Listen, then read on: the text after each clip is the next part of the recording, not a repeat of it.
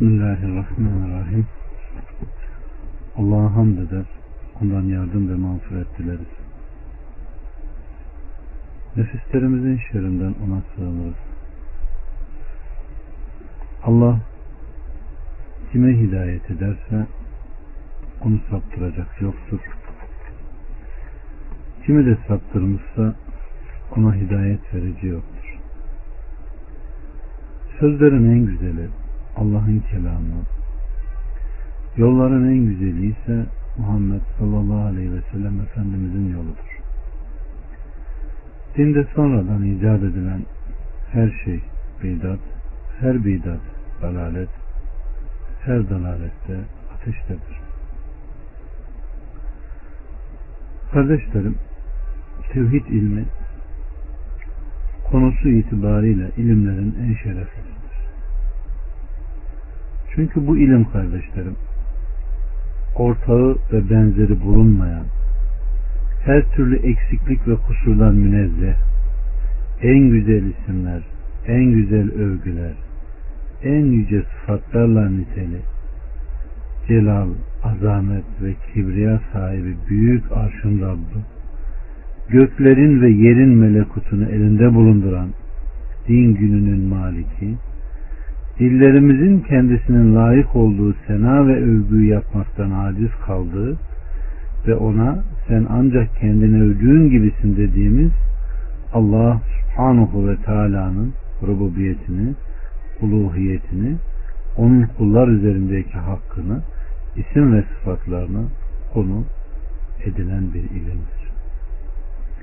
Rabbimiz subhanahu ve teala senden önce hiçbir peygamber göndermedik ki ona benden başka ilah yoktur. Bu itibarla yalnız bana ibadet edin diye vahyetmiş olmayalım. Enbiya 25. ayet-i kerimesi bu ilmi öğrenme ve öğretmenin önemine dair söylenecek ayetlerden bir tanesidir. Allah bu mevzuyu layıkıyla anlamayı hepimize nasip etsin. Kardeşlerim Allahu Teala'nın emrettiği en büyük amel ve iyilik emri tevhide sarılmadır. Rabbimiz Subhanahu ve Teala ben cinleri ve insanları ancak bana ibadet etsinler diye yarattım diyor. Ve andolsun ki biz her ümmete Allah'a ibadet edin, tağuta kulluktan kaçının diye emretmeleri için bir peygamber gönderdik diyor. Ve yine Rabbimiz Rabbin sadece kendisine kulluk etmenizi ana babanıza iyi davranmanızı kesin bir şekilde emretti diyor. Ve yine Rabbimiz Allah'a ibadet edin ibadetinizde ona hiçbir şey ortak koşmayın diyor. Abdullah bin Mesud diyor ki üzerinde Muhammed Aleyhisselam'ın mührü bulunan vasiyetini görmek isteyen şu ayet okusun. De ki gelin Rabbinizin size neleri haram kıldığını okuyayım. Ona hiçbir şey ortak koşmayın. Ana babaya iyilik edin. Şüphesiz bu benim dost doğru yolumdur. Buna uyun. Enam 151 Allah kendisine rahmet etsin. Muaz bin Cebel şöyle rivayet etmiştir. Allah Resulü Aleyhisselatü Vesselam'ın bindiği merkebin arkasına ben de bindim. Bir ara bana şöyle dedi. Ey Muaz Allah'ın kullar üzerindeki hakkı, kulların da Allah üzerindeki hakları nedir bilir misin? Dedim ki Allah ve Resulü en iyi bilendir.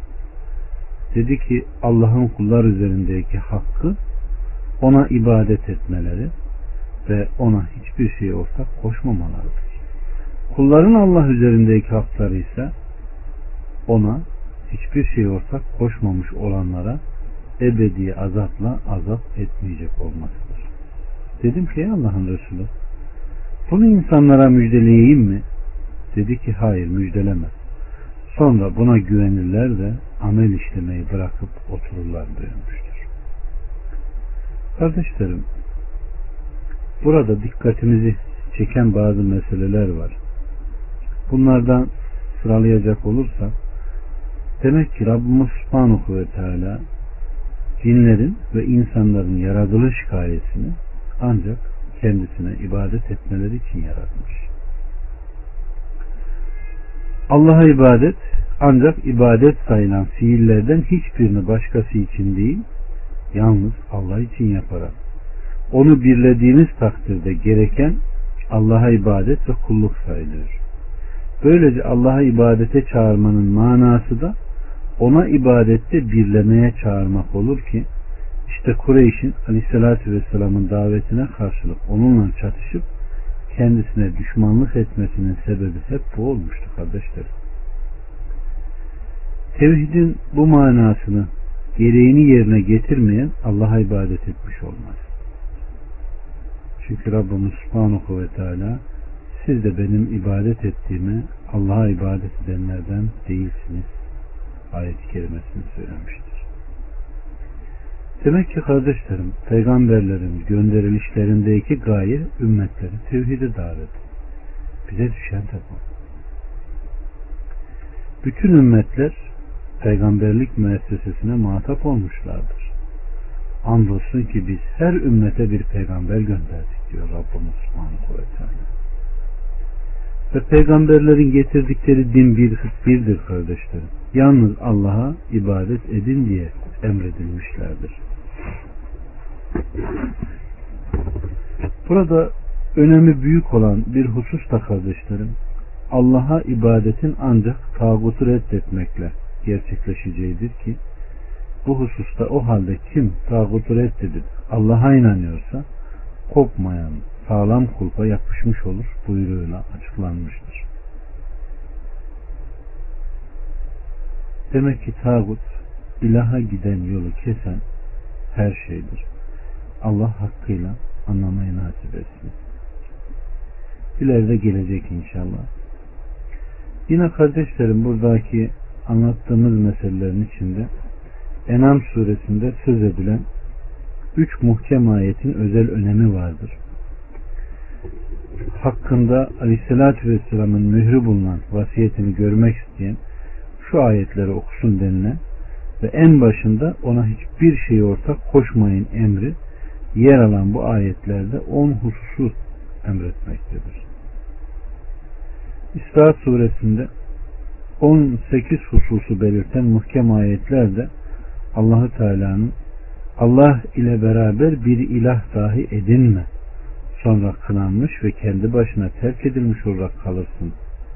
İsra 22 buyruğu ile başlar ve Allah ile birlikte başka ilah edinme sonra kınanmış Allah'ın rahmetinden uzaklaştırılmış olarak cehenneme atılırsın. İsra 39 buyruğu ile son bulur. İşte bunlar Rabbinin sana vahyettiği hikmetlerdendir. İsra 39 buyruğu da bunların Allahu Teala nezdindeki önemini açıklar kardeşlerim. Yine Nisa suresinde ona hak ayeti adı verilen ayetler vardır ki Allahu Teala bunlara da Allah'a ibadet edin ve ibadette ona hiçbir şey ortak koşmayın. Nisa 36. emriyle başlamıştır.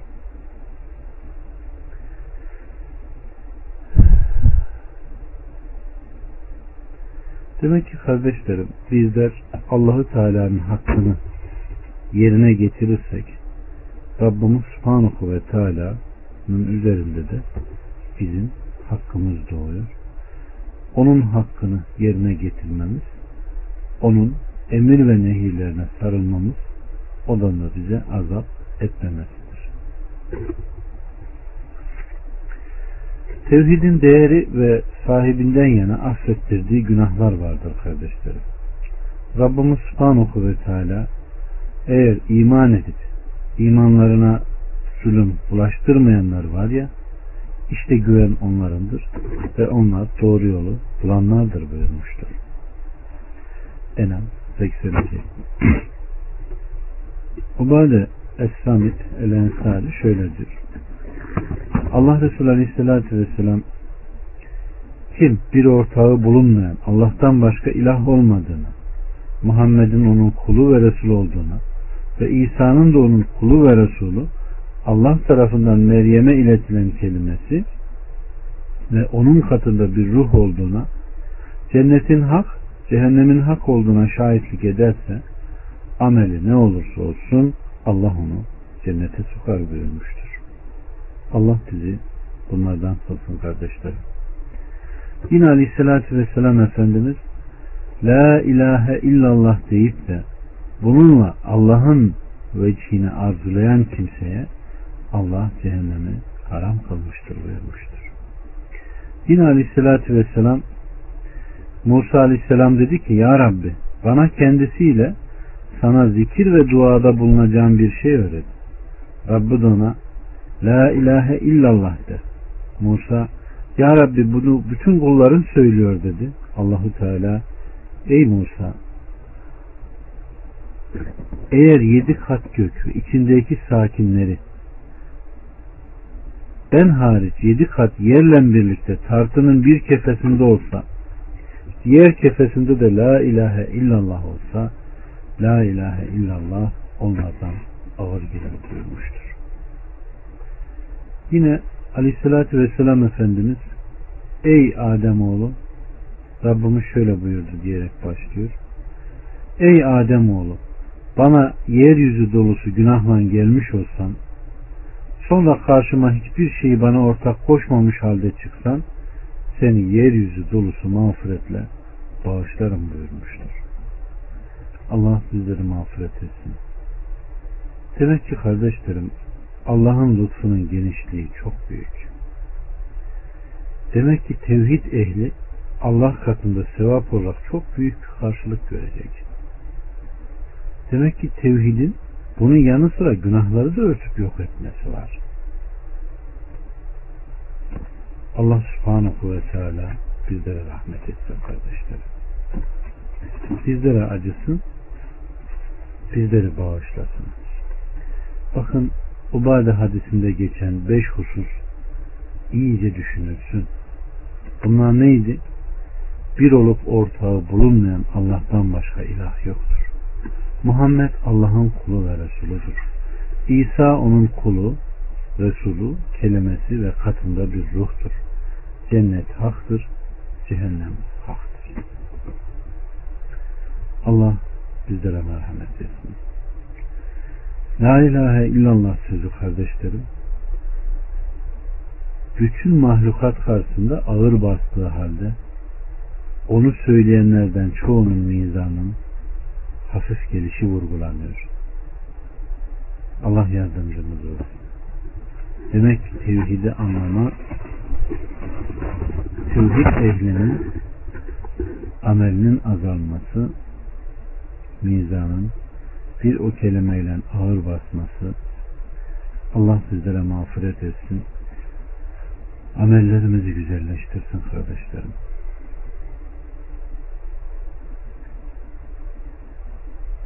Enes'in rivayet ettiği hadiste de İtban'ın rivayet ettiği hadiste de La ilahe illallah deyip bununla Allah'ın vekini yüzünü arzulayan ifadelerinden maksat bunu dil ile telaffuz değil şirki terk etmek manasındadır. Evet. Demek ki hadisteki ameli ne olursa olsun ifadesini bilme bu Müslüman kişi salih ameli ne kadar az yahut kötü ameli ne kadar çok olursa olsun tevhidini ortadan kaldırıp cehennemde ebedi kalışını gerektirecek bir şey gerçekleştirmediği takdirde cennete girecek demektir. Burada İslam'ın şartını, erkanı terk etmesi zikredilmemiştir. Çünkü bu beşinden terki dinden çıkarıcı küfür niteliğinde olan ve olmayanlar vardır.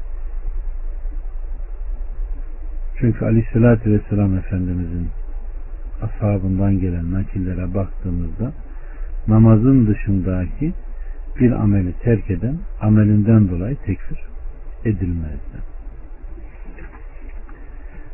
Tevhidi hakkıyla bilip ona inanan ve tevhidi hakkıyla bağlanan kimse hesaba çekilmeden cennete girer kardeşlerim. Bakın Rabbimiz Nahl 120'de buyuruyor ki şüphesiz İbrahim hak dine yönelen Allah'a itaat üzerine bulunan bir önderdi. Allah'a ortak koşanlardan değildi diyor. Ve Rablarına ortak koşmayanlar müminin 59'da buyurduğu gibi. Sayın bin Abdurrahman Es-Sülemi şöyle rivayet ediyor. O da Said bin Cübeyr'den. Bize dün gece kayan yıldızı hanginiz gördünüz diye sordu. Ben gördüm dedim. Sonra da namaza teheccüdün kalkmış değildim. Beni bir şey soktu da ondan dedim. Peki buna ne yaptın dedi. Birinden beni okumasını istedim dedim. Seni böyle yapmaya sevk eden neydi dedi. Amr bin Şerahil'den nakledildiği bir hadis dedim. Nedir o naklettiği dedi. O bize Bureyde bin El-Husayb El-Esleme'den göz değmesi ve zehirli hayvan sokmasından başkası için ruki okuma yoktur dediğini nakletti. Dedim ki Said bin Cübeyr dedi ki işittiği kadarıyla amel edip yetinen kimse güzel bir iş yapmıştır. Ancak Abdullah bin Abbas bize aleyhissalatü vesselam'dan şunu nakletmiştir. Bana bütün ümmetler arzulundu.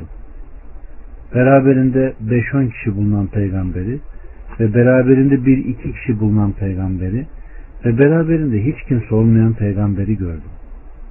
Derken bana uzaktan büyük bir kalabalık gösterildi. Ben onları kendi ümmetim zannettim. Ancak bana bunların Musa ve kavmi olduğu söylendi. Yine baktım birine göreyim muazzam bir kalabalık.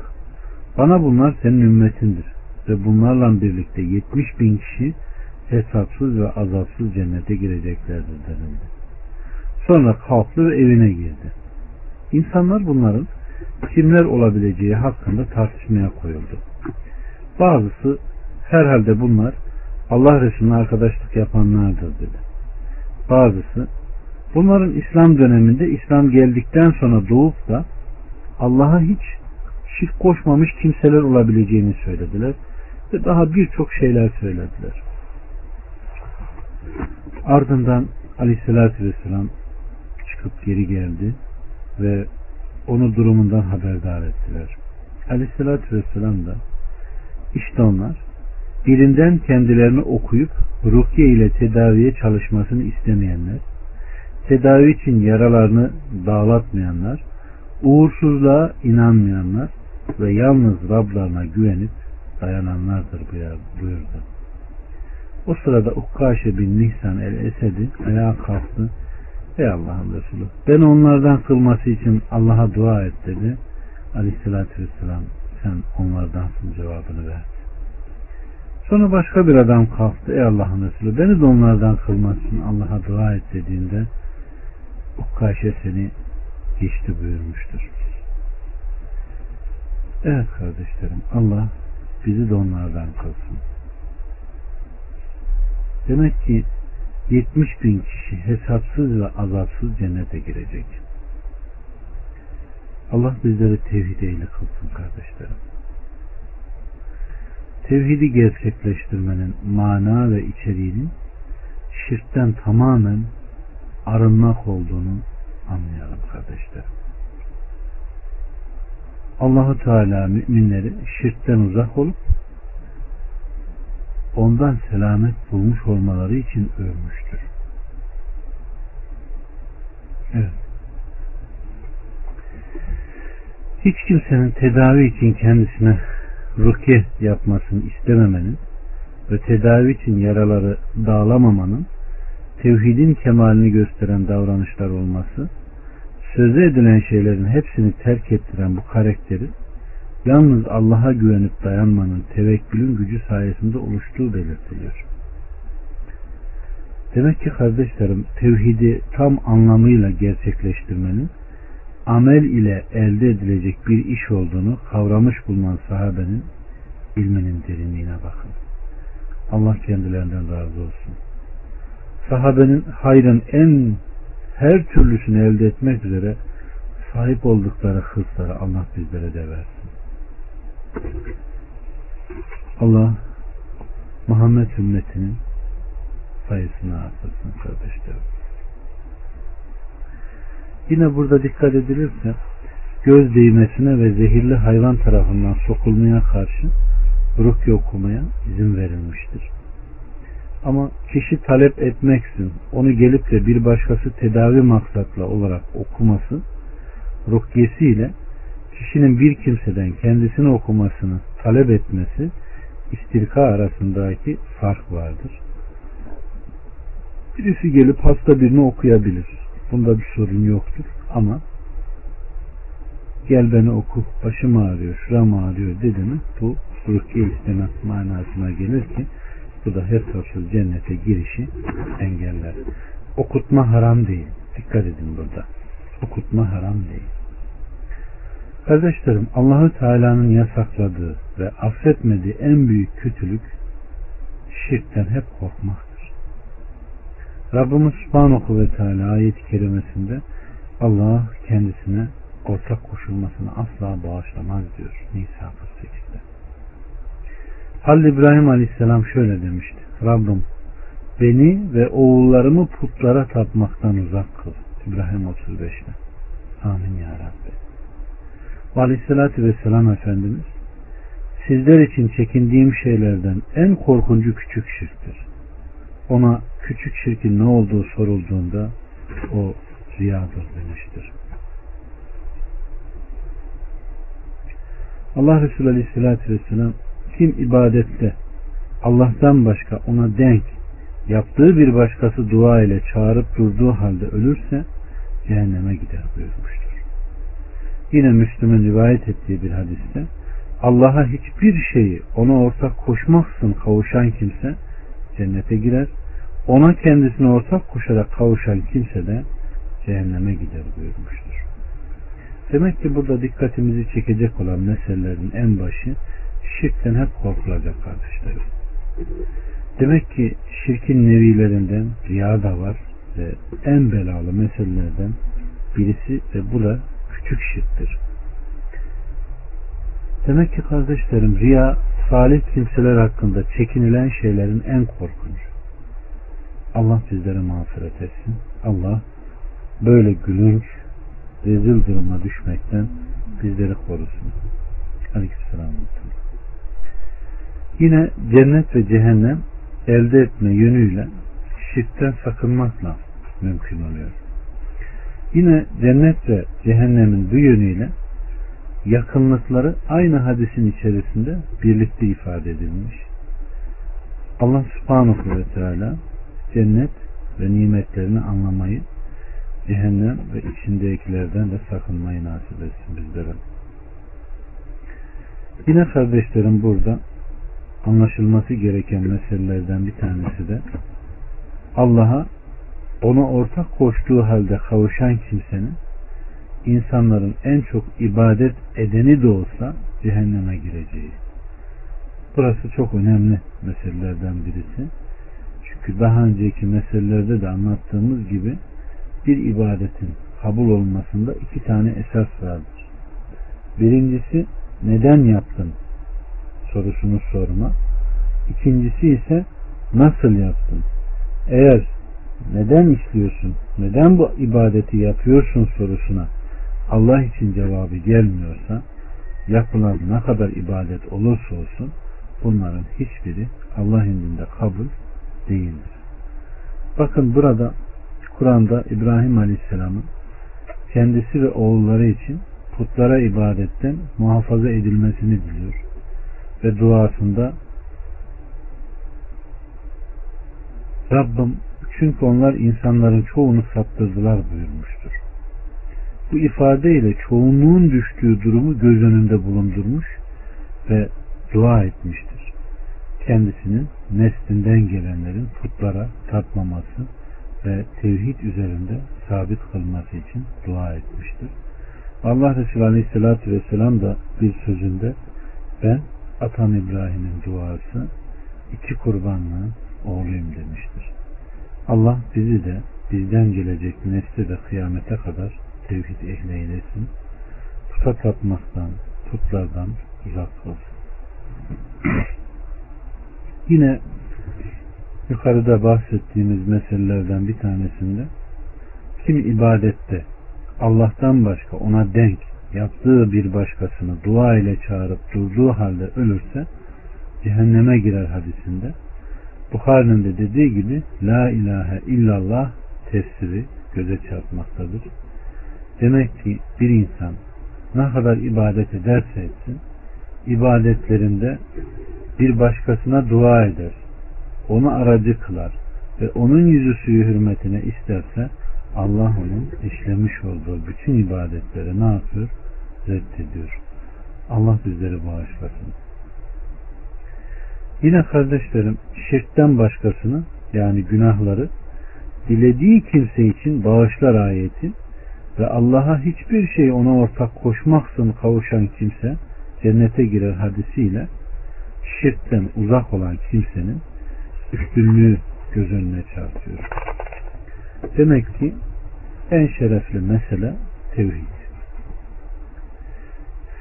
Kardeşlerim tevhidin ancak kendisiyle tamamlanacağı işlerden olan La ilahe illallah şehadetine tevhide daveti görev edinmektir. Bu aynı zamanda bütün peygamberlerin ilk emredildiği meselelerdendir. Bakın Rabbimiz Yusuf 108'de diyor ki peki işte bu benim yolumdur. Ben bana tabi olanlarla birlikte basiretle Allah'a davet ediyorum. Allah'ı her çeşit noksan ve kusurluktan tenzih ediyorum. Ben asla müşriklerden değilim. İbn Abbas diyor ki Aleyhisselatü Vesselam Muaz'ı Yemen'e davetçi olarak gönderirken ona şöyle dedi. Ey Muaz sen kitap ehli bir kavme gidiyorsun. Onları kendisine davet edeceğin ilk şey La ilahe illallah olsun. Şayet onlar bu hususta sana itaat ederlerse kendilerine Allah'ın onlara her bir gün ve gecede olmak üzere beş vakit namaz farz kıldırdığını bildir.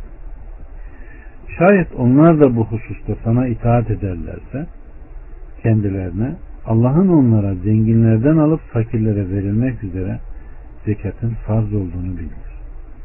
Şayet onlar bu hususta da sana itaat ettikleri takdirde sakın mallarının en iyilerini seçip alma, mazlumun bedduasından kork. Zira böylesinin duası ile Allah arasında kabulüne engel bir perde yoktur buyurmuştur. Yine kardeşlerim Sehil bin Saad el-Ensari'den gelen bir rivayette Hayber günü aleyhissalatü vesselam Efendimiz şöyle buyurmuştur.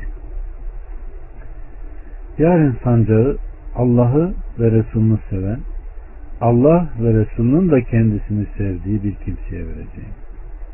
Allah fethi onun iki elinde müyesser kılacak buyurmuştu.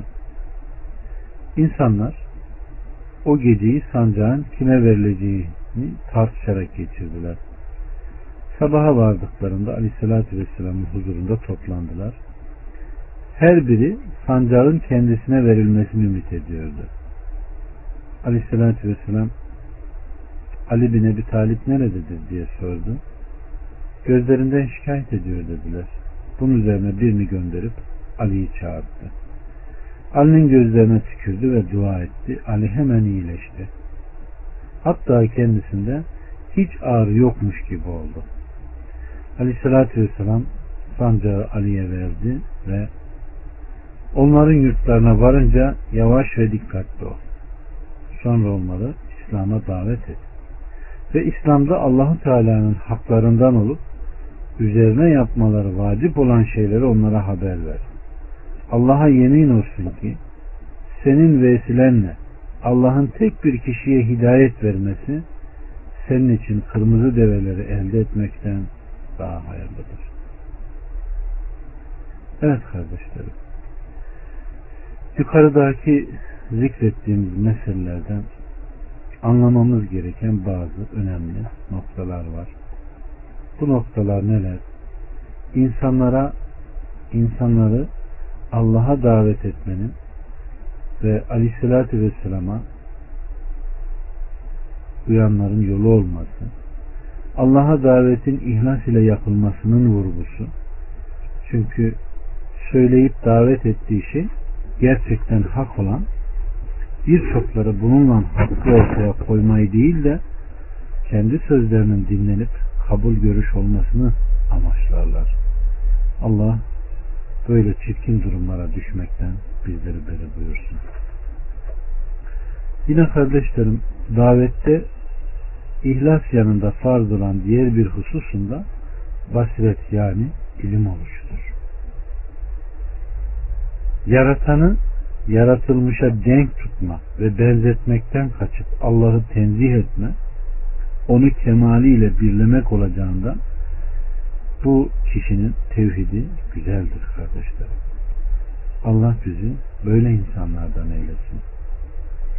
Şirkin kötülüklerinden biri de onda kaçınılmaz olarak Allah'ı zemmetme ve yermenin bulunup olmasıdır.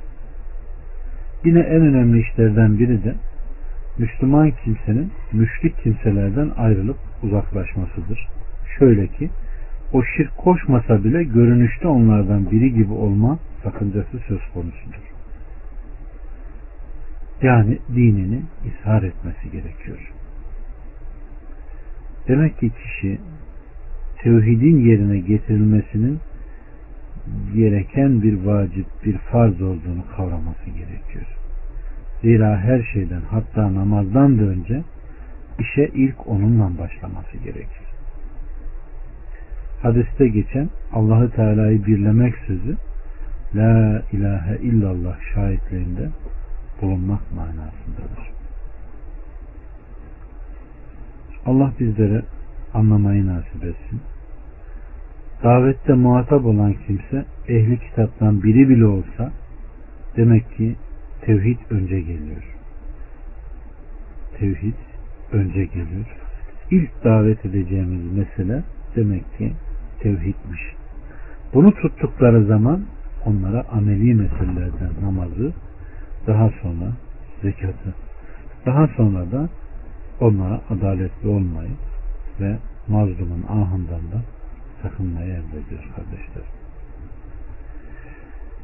Kardeşlerim tevhidin ve la ilahe illallah şehadetinin anlamı Rabbimiz Subhanahu ve Teala'nın kitabında dediği gibi onların çağırıp durdukları da Rablarına hangisi daha yakın olacak diye vesile ararlar.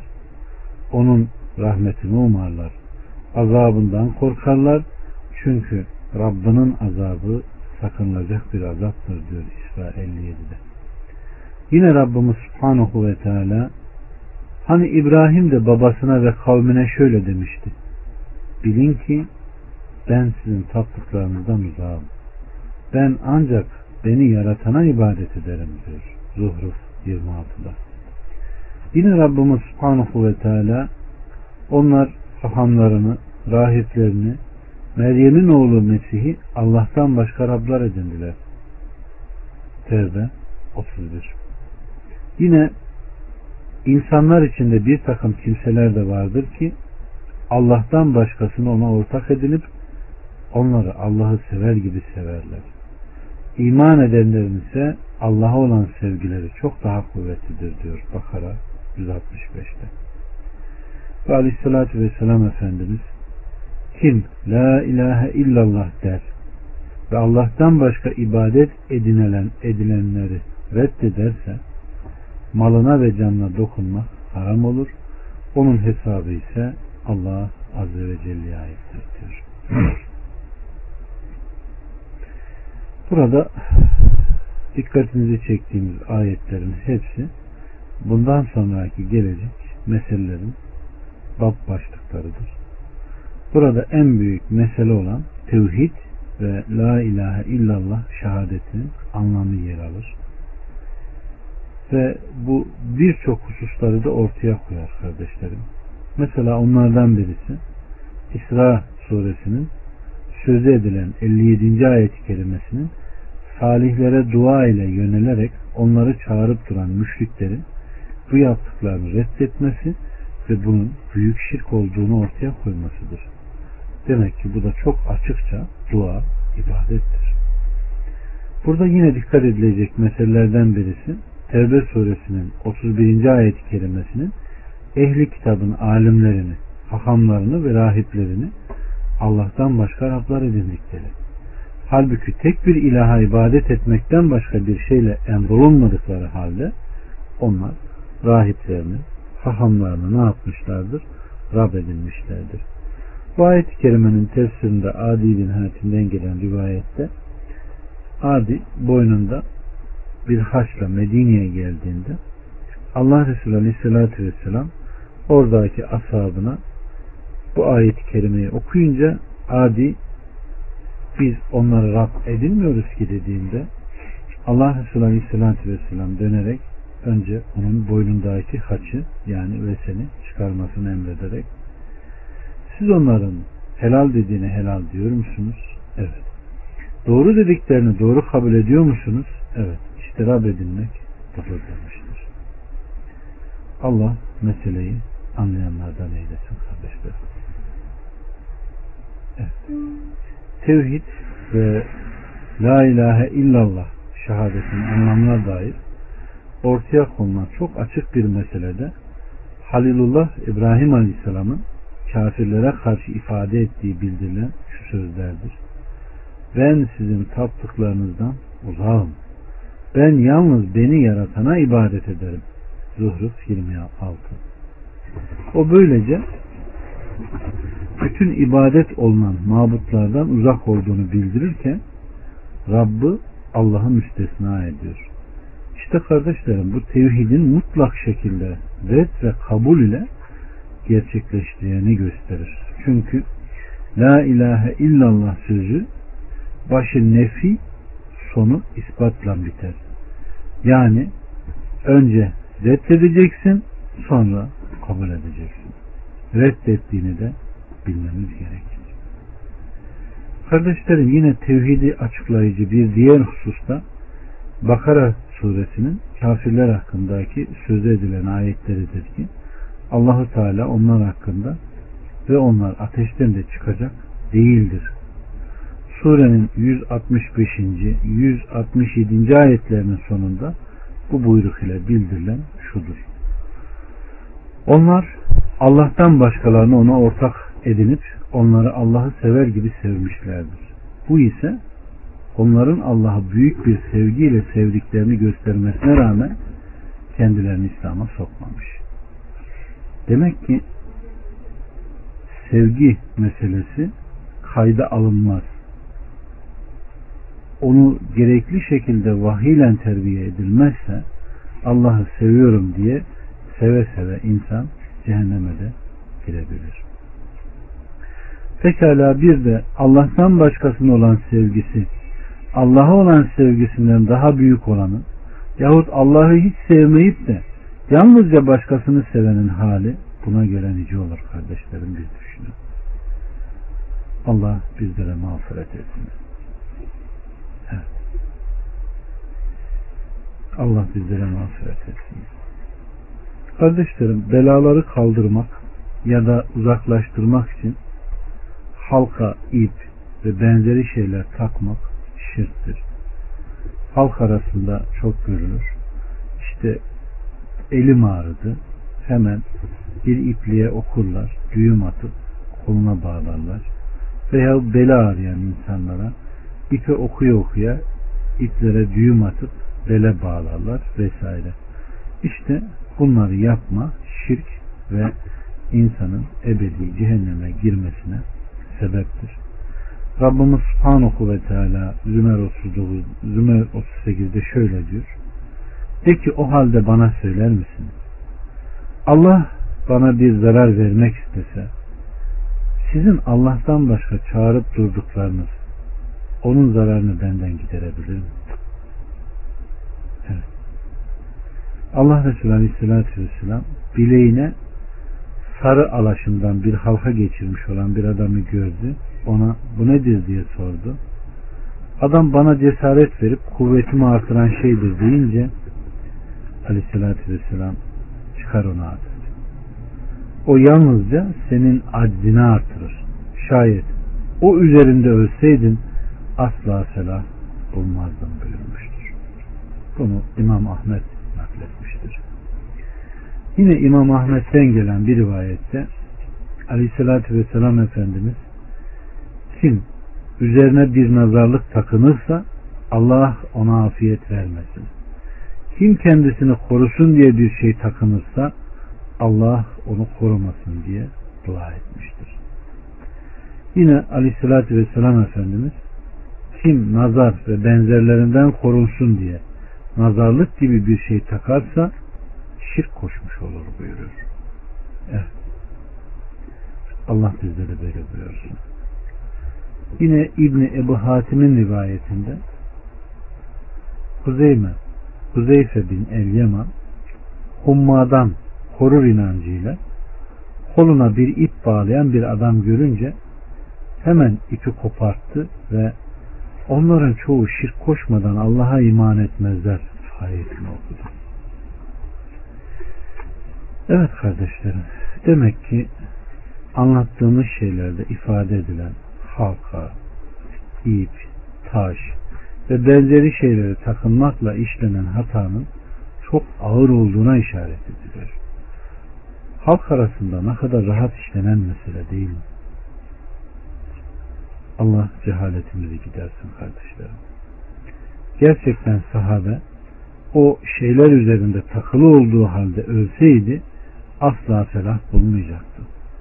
Bunun böyle olduğuna sahabenin muhakkak küçük şirk en büyük günahlardan daha büyük bir kötülüktür şeklindeki sözleri şahitlik eder. Demek ki cehalet de umumen mazeret. İnsan bilmeden bir şeyi yapabilir ama kendisine anlattıktan sonra artık ondan uzak durması gerekir. Allah Resulü Aleyhisselatü Vesselam bunları takınmak gerçekte dünyada bir fayda da temin etmez aksine zarar getirir diyor. Ve o yalnızca senin aczini artırır diyor. Evet. Bu gibi şeyleri yapanlara karşı çok ağır bir şekilde yaptıklarının kabul edilemez oluşu vurgulanıyor. Evet. Demek ki göz değmesine karşı takılan nazarlık da şirk türlerinden. Aleyhissalatü Vesselam bunları takanlara Allah onlara afiyet vermesin, Allah onları korumasın diye beddua etmiştir. Yani Allah onları taktıkları şeyle baş başa bırakmıştır. Kardeşlerim, rukiye ve nazarlıklar hakkında gelen hadislere bakacak olursak, Bukhari'de ve Müslüm'de gelen rivayette Aleyhisselatü Vesselam bir elçiyi hiçbir devenin boynunda nazardan korumak için takılmış tel kolye ve benzeri şeyler kalmasın muhakkak kesilip koparılsın diye herkese haber vermek üzere gönderdiği nakledilmiştir. Evet. Bugün mal pazarına gidildiğinde bakarsınız malların hepsinin boynunda bir koca koca mavi boncuklar ve hepsinin boynunda muskalar olduğunu görürsünüz. Adamlara desen ki şunu kes gider bıçağı alır gelir seni doğrar yine onu kesmezler. Yine İbn Mesud'dan gelen bir rivayette Aleyhisselatü Vesselam ruka, temain ve tivele şirktir demiştir. Bunu Ahmet ve Ebu Davud nakletmiştir. Kardeşlerim, ruka hastalıkları tedavi etmekte üfürükçülükte kullanılan tılsımlı sözler, büyü ve şekiller anlamındaki rukiyeleri ifade eder. Bu söz ve şekillerin çoğu manası anlaşılır türden şeyler değildir.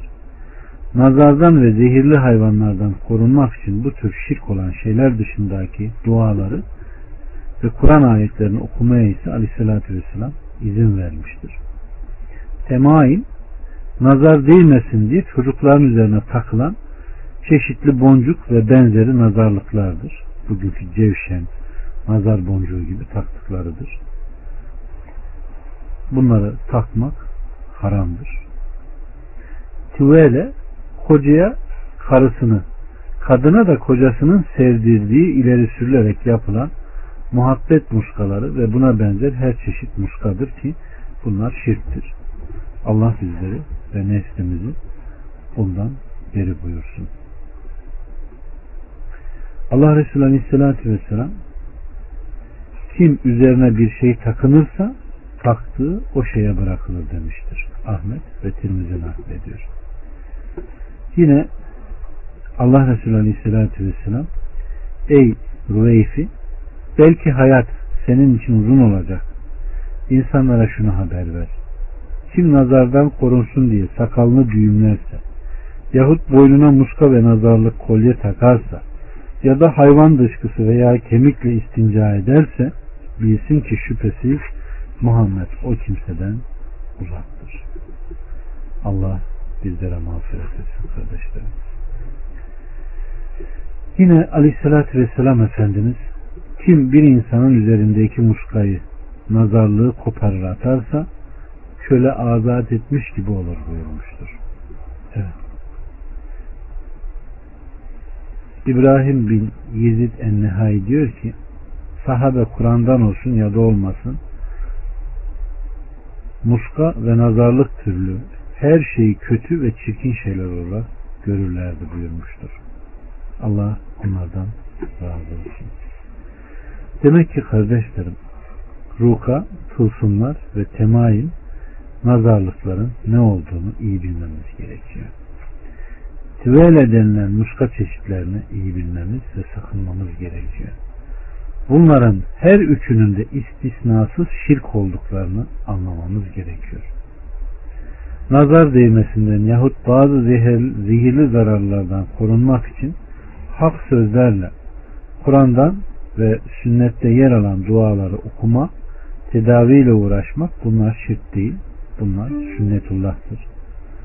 İçinde Kur'an'dan bazı şeylerin yazılı olduğu, üzerinde taşınan muskaları ve bunlar gibi yasaklanmış olup olmadıkları bu yazanların hiçbiri vay korkuyor yastığın altına koyayım vay kızlar güzel olsun deyip yazıp boynuna asayım veya üzerine ayetel kürsü yazıp duvara asayım üzerinde taşsın korkmasın tipinde hareketler haram kılınmış ve nehyedilmiştir. Çünkü tevhidin olmazsa olmazlarından birisi nedir? Koruyacak kimdir? Allah. Sığınılacak kimdir? Allah. İstenilecek Allah'tır. Eğer Allah'ı bırakıp da yarattığı bir şeylere gidilirse Allah onu ondan baş başa bırakacaktır. Yine dikkatimizi çeker, çektiyse hayvanlara nazardan koruması için tel, kolye, nazarlık türü şeyleri takmak şirke girdiği Allah Resulü Aleyhisselatü Vesselam'ın bunlara adam gönderip hepsini kestirdiği vardır. Allah Subhanahu ve Teala böyle pis durumlara düşmekten bizleri beri buyursun. Ama maalesef yaşamış olduğumuz şu ortamda bu şirkin bütün örneklerini envai çeşidiyle görmek mümkün. Kardeşlerim ağaç, taş ve benzeri şeylerden bereket umma şirktir. Rabbimiz Subhanahu ve Teala Necim 19'da bakın ne diyor. Gördünüz mü? Lat ve Uzza'yı ve üçüncüleri olan ötekini Menat'ı hiçbir fayda ve zarar veremediklerini demek erkek size dişi ona öyle mi? O zaman bu insafsızca bir taksim. Bunlar sizin ve atalarınızın taktığı isimlerden başka bir şey değildir. Allah onlar hakkında hiçbir delil indirmemiştir. Onlar ancak zanna ve nefislerinin arzularına uyuyorlar. Halbuki kendilerine Rabları tarafından yol gösterici gelmiştir. Evet. Ebu Vakıt Elleysi'den Aleyhisselatü Vesselam Efendimiz Huneyn'e giderken sahabelerden bazıları müşriklerin zatı envat dedikleri kutsal saydıkları bir ağaçları vardı. Onun yanında kalıp ibadetten meşgul olurlar. Silahlarını o ağacın altında kuşanırlardı. Biz de başka bir ağacın yanına geldiğimizde Aleyhisselatü Vesselam'a Ey Allah'ın Resulü onların zat envatı gibi bize de bir zat envat yap dedik. Aleyhissalatü vesselam Allahu Ekber yine aynıyor. Nefsimi elinde tutan Allah'a yemin ederim ki Musa'ya ey Musa bunların ilahları gibi bize de ilah yap diyen ve Musa'nın siz hakikaten cahil bir topluluksunuz şeklindeki cevabına muhatap olan İsrailoğullarının dediğinin aynısını dediniz. Sizden öncekilerin yolunda yürüyeceksiniz demiştir. Evet. Allah bizlere mağfiret etsin kardeşlerim. Demek ki insan cehaletle yapmayacağı, etmeyeceği, söylemeyeceği bir şey yok.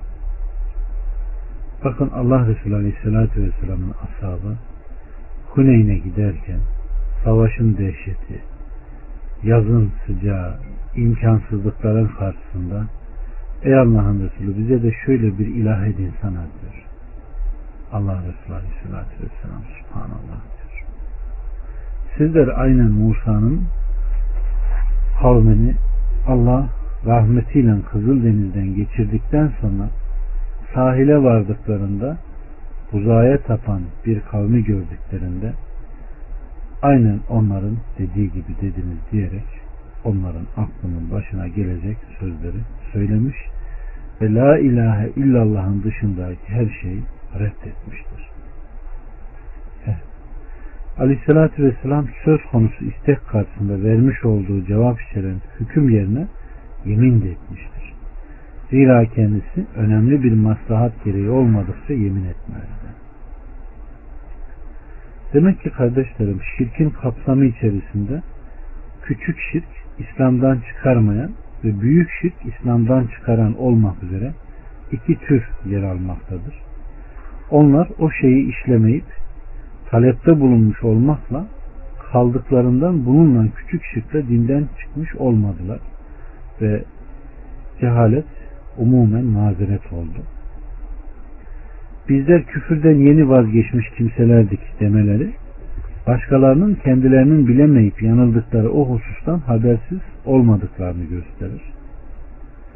Zoruna gidip bundan hoşlanmayacak kimsenin zıttına da olsa şaşkınlık duyma karşısında demek ki Allahu Ekber diyerek tekbir getirmede sünnettir. Evet kardeşlerim Aleyhisselatü Vesselam'ın onlara büyük şirkin kapısını açarak kapıları ve ona ulaştıran yolları kapaması var. Onları cahiliyeye mensup kimselere benzemekten sakındırmıştır. Allah bizleri de sakınanlardan eylesin. Ve dikkat ederseniz sizden öncekilerin yolunda yürüyeceksiniz sözünün sonrasında da aynen haber verdiği gibi gerçekleşmiş olması peygamberliğinin dilli işaretlerinden bir işarettir.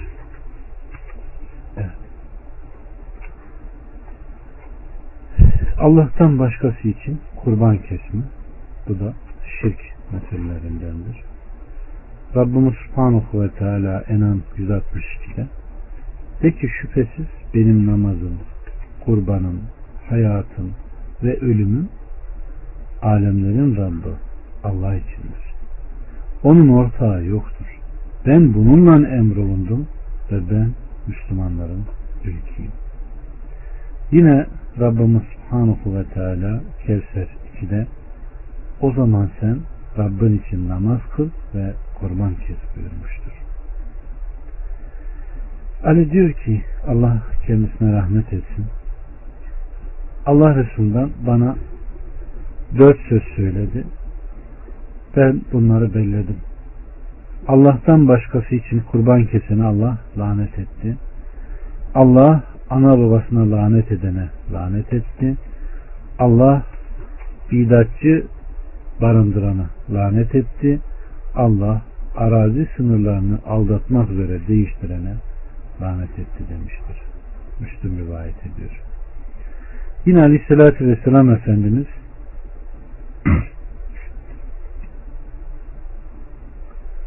birçok sözlerinde bizleri cennete gidecek yollara sevk etmiş, cehennemden uzak durmayı bizlere tavsiye etmiştir. De ki şüphesiz benim namazım, kurbanım alemlerin Rabbi Allah içindir. Evet. Bizden sudur eden söz, düşünce, fiil her ne olursa olsun kardeşlerim bunların hepsini Allah'a yapmak gerekiyor. Önemsememe, bunun zıttına hareket etme ise kişinin ateşe girmesine sebep. Allah'tan başkası için kurban kesilen bir yerde Allah için kurban kesilemez. Rabbimiz Subhanahu ve Teala onun mescidi dırar içinde asla namaz kılmaz. Tevbe 108'de buyurduğu gibi yine Sabit bin El Ettehak'tan gelen bir rivayette bir adam Buhane mevkinde bir deve kurban etmeye adamıştı. Bunu gidip Aleyhisselatü Vesselam'a sorunca orada cahiliye döneminde tapılan putlardan herhangi bir put var mıydı? Yoktu deyince Aleyhisselatü Vesselam orada onların bayramlarından bir bayram kutlanıyor mu diye sordu. Hayır dediler. Bunun üzerine Aleyhisselatü Vesselam adağını yerine getir şu kadar ki Allah'a isyan olacak bir işin söz konusu olduğu adak ile Ademoğlunun sahip olmadığı bir şey hususundaki adağı yerine getirilemez buyurmuştur. Bunu da Ebu Davud sahih bir şekilde rivayet etmiştir. Demek ki kardeşlerim adak adandığında eğer şirk, küfür, günah işlenen bir şey değilse yerine getirilmesi gerekiyor ve keseceğin yerde cahiliyenin veya şirk olan bir kesim yeri olmayacak. Evet, devam ediyoruz. Allah'tan başkası için adak adamak şirktir. Rabbimiz Subhanahu ve Teala kitabında insan 7'de adadıkları adağı yerine getirirler buyurmuştur. Yine Yaptığınız her harcamayı ve adadığınız her adağı muhakkak Allah bilir buyurmuştur. Bakara 270'te. Ayşe annemizden gelen bir rivayette ise kardeşlerim kim Allah'a itaat etmeyi adadıysa itaat etsin, adağını yerine getirsin. Her kim de Allah'a isyan olacak bir işe adadıysa o da Allah'a asi olmasın buyurmuştur. Demek ki adağı yerine getirmek farzdır. Ayet ve hadisler uyarınca adağın ancak Allah için yapılan bir ibadet olduğu ortaya çıkmıştır. Allah'tan başkası için adak adamaksa ibadette şirktir. Allah'a isyan olacak bir adağı yerine getirmek de caiz değildir. Kardeşlerim Allah Resulü Aleyhisselatü Vesselam adak adamayın. Çünkü bu cimriden mal çıkarmak gibidir demiştir. Eğer adamızsanız şirk, küfür değilse bunu da yerine getirin buyurmuştur. Evet. Yine kardeşlerim Allah'tan başkasına sığınmak şirktir. Rabbimiz Subhanahu ve Teala cin 6. ayette fakat insanlardan bazı adamlar cinlerden bazı adamlara sığınırlardı da onların azgınlıklarını artırırdı diyor. Yine aleyhissalatü vesselam Efendimiz kim bir yerde konaklar da yarattıklarının şerrinden Allah'a tam olarak sığınırım derse oradan ayrılıncaya kadar hiçbir şey ona zarar vermez buyurmuştur. Evet. Allah bizlere mağfiret etsin. Kendisine hakkıyla tevekkül edip hakkıyla sığınanlardan eylesin. Eğer sizler diyor hakkıyla Allah'a tevekkül edebilseniz şu aç karna yuvadan havalanıp tok karna dönen kuşlar gibi rızıklandırılırsınız. Allah hepimizi tevhid eylesin. Kardeşlerim Allah'tan başkasından yardım dileme yahut ondan başkasına dua ile yönelip çağırmaktan. Rabbimiz Subhanahu ve Teala Yunus 106'da buyuruyor ki Allah'tan başka sana ne fayda ne de zarar veremeyecek şeyleri dua edip çağırma. Eğer bunu yaparsan o takdirde sen mutlaka zalimlerden müşriklerden olursun. Şayet Allah sana bir zarar dokundurursa onu yine ondan başka giderecek yoktur. Yine Rabbimiz Subhanahu ve Teala o halde rızkı Allah katında arayın ona ibadet edin demiştir. Ankebut 17'de.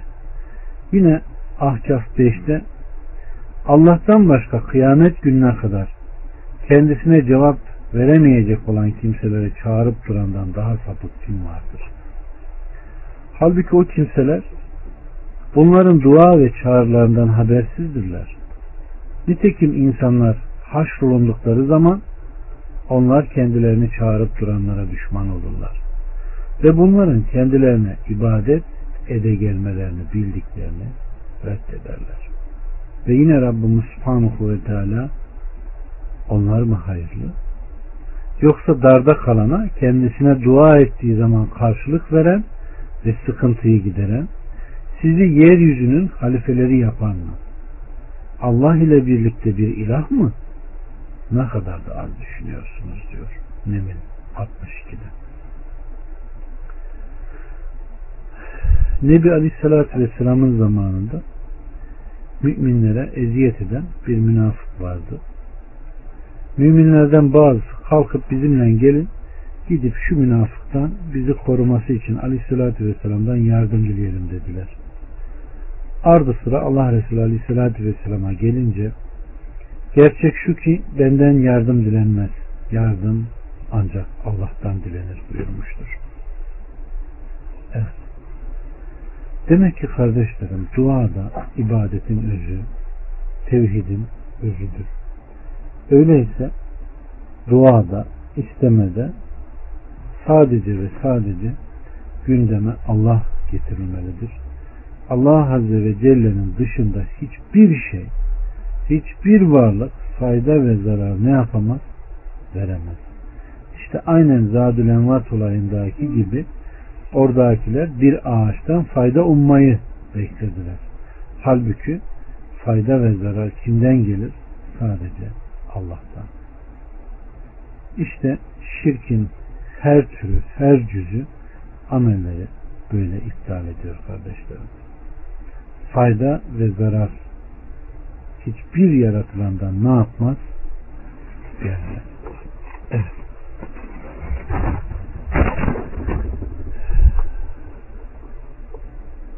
Cennet yalnız Allah'tan istendiği gibi rızık da sadece Allah'tan istenir kardeşlerim. Ve dikkat edin iblisin en çok vurduğu saptırmaya kalktığı noktalardan birisi de budur.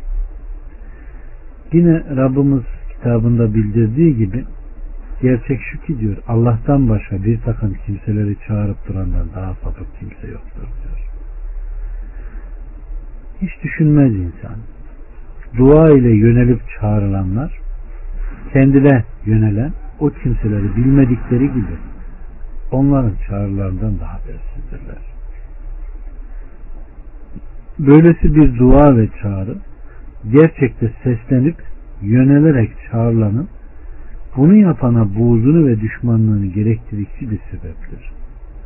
Nitekim ayet-i kerimede insanlar haşrolundukları zaman onlar kendilerini çağırıp duranlara düşman olurlar diyor. Ahkaf 6'da. Allah bizlere mağfiret etsin. Allah'tan başka kendisine cevap veremeyecek kimseleri çağırıp durması, böyle birinin insanların en sapığı sayılmasının sebebi şu dört husustur. Birincisi Allah'tan başka kendisine cevap veremeyecek kimseleri çağırıp durması. İkincisi o kendilerine yönelip çağıranların bunların dua ve çağrılarından habersiz oluşları. Üçüncüsü insanların diriltildiği gün bugün çağırıp durdukları kimsenin onlara düşmanlık kesilecek olması. Dördüncüsü kendilerine ibadet edilmesini de kesin olarak reddedecek olmalarıdır. Evet. Gerçekten dikkat edici, çekici olan şey puta tapanların darda kalana karşılık verenin ancak Allah olduğunu bilip dile getirmeleri. Bundan dolayı onlar sıkıntı, şiddet anlarında dini Allah'a halis, kılarak ona yönelirler. Ve ne zaman başları bolluğa geçse işte o zaman Allah'a ne yaparlar? İnkara giderler. Allah hepimizi mağfiret etsin. Rahmetiyle yargılasın. Kardeşlerim Allah'tan başkasına ibadet büsbütün saçma ve boş bir gayrettir. Bakın Araf 191'de Rabbimiz diyor ki kendileri yaratılmış olan ve hiçbir şey yaratamayan şeyleri Allah'a ortak mı koşuyorlar? Halbuki bunlar ne onlara bir yardım edebilir ne de kendilerine yardım edebilirler buyuruyor. Yine Fatır 13'te ondan başka çağırıp durduklarınız bir çekirdek lifine bile sahip değiller. Onları çağırsanız çağırmanızı işitmezler. İşitseler bile size karşılık veremezler. Kıyamet günü de sizin ortak koşmanızı reddederler. Sana her şeyden haberi olan Allah gibi hiçbir kimse haber veremez. Evet. Bukhari'de Enes'ten gelen rivayette Uhud günü aleyhissalatü vesselam yaralandı ve bir dişi kaldırdı. Ardından aleyhissalatü vesselam peygamberleri yaralayan bir kavim nasıl iflah olur? Bunun üzerine bu iş okulların işi. Hakkında senin üzerine düşen bir şey yok. Allah ya onların tevbesini kabul eder yahut onları zalim oldukları için gazaba uğratır. Alimran 128. ayeti inmiştir. Yine Bukhari'den Abdullah bin Ömer'den gelen bir rivayette o aleyhissalatü vesselam'ı sabah namazının son rekatında başını rukudan kaldırıp doğrularak Semallahu lümen hamide Rabbena ve lekel hamd dedikten sonra Allah'ın falan kimseye ve filan kimseye lanet et diye dua ederken işitti. Bunun üzerine Allah bu iş kulların işi hakkında senin üzerine düşen bir şey yoktur ayetini indirmiştir. Bir rivayette de Aleyhisselatü Vesselam Safvan bin Uyeyye, Suheyl bin Amr ve El Haris bin Hişam'a beddua ediyordu. Bunun üzerine bu iş kulların işi hakkında senin üzerine düşen bir şey yoktur ayeti inmiştir. Evet. Yine Bukhari'de ve Müslim'de gelen rivayette Aleyhisselatü Vesselam'a önce en yakın akrabanı uyar ayeti inince kalktı ve şöyle çağrıda bulundu. Ey Kureyş topluluğu kendi nefislerinizi Allah'ın azabından kurtarmak üzere satın alın. Ben Allah'ın azabından hiçbir şeyi sizden uzaklaştıramam. Ey Abbas bin Abdülmuttalip senden de Allah'ın azabından hiçbir şeyi uzaklaştıramam. Ey Allah Resulü'nün halası Safiye senden de Allah'ın azabından herhangi bir şeyi uzaklaştıramam.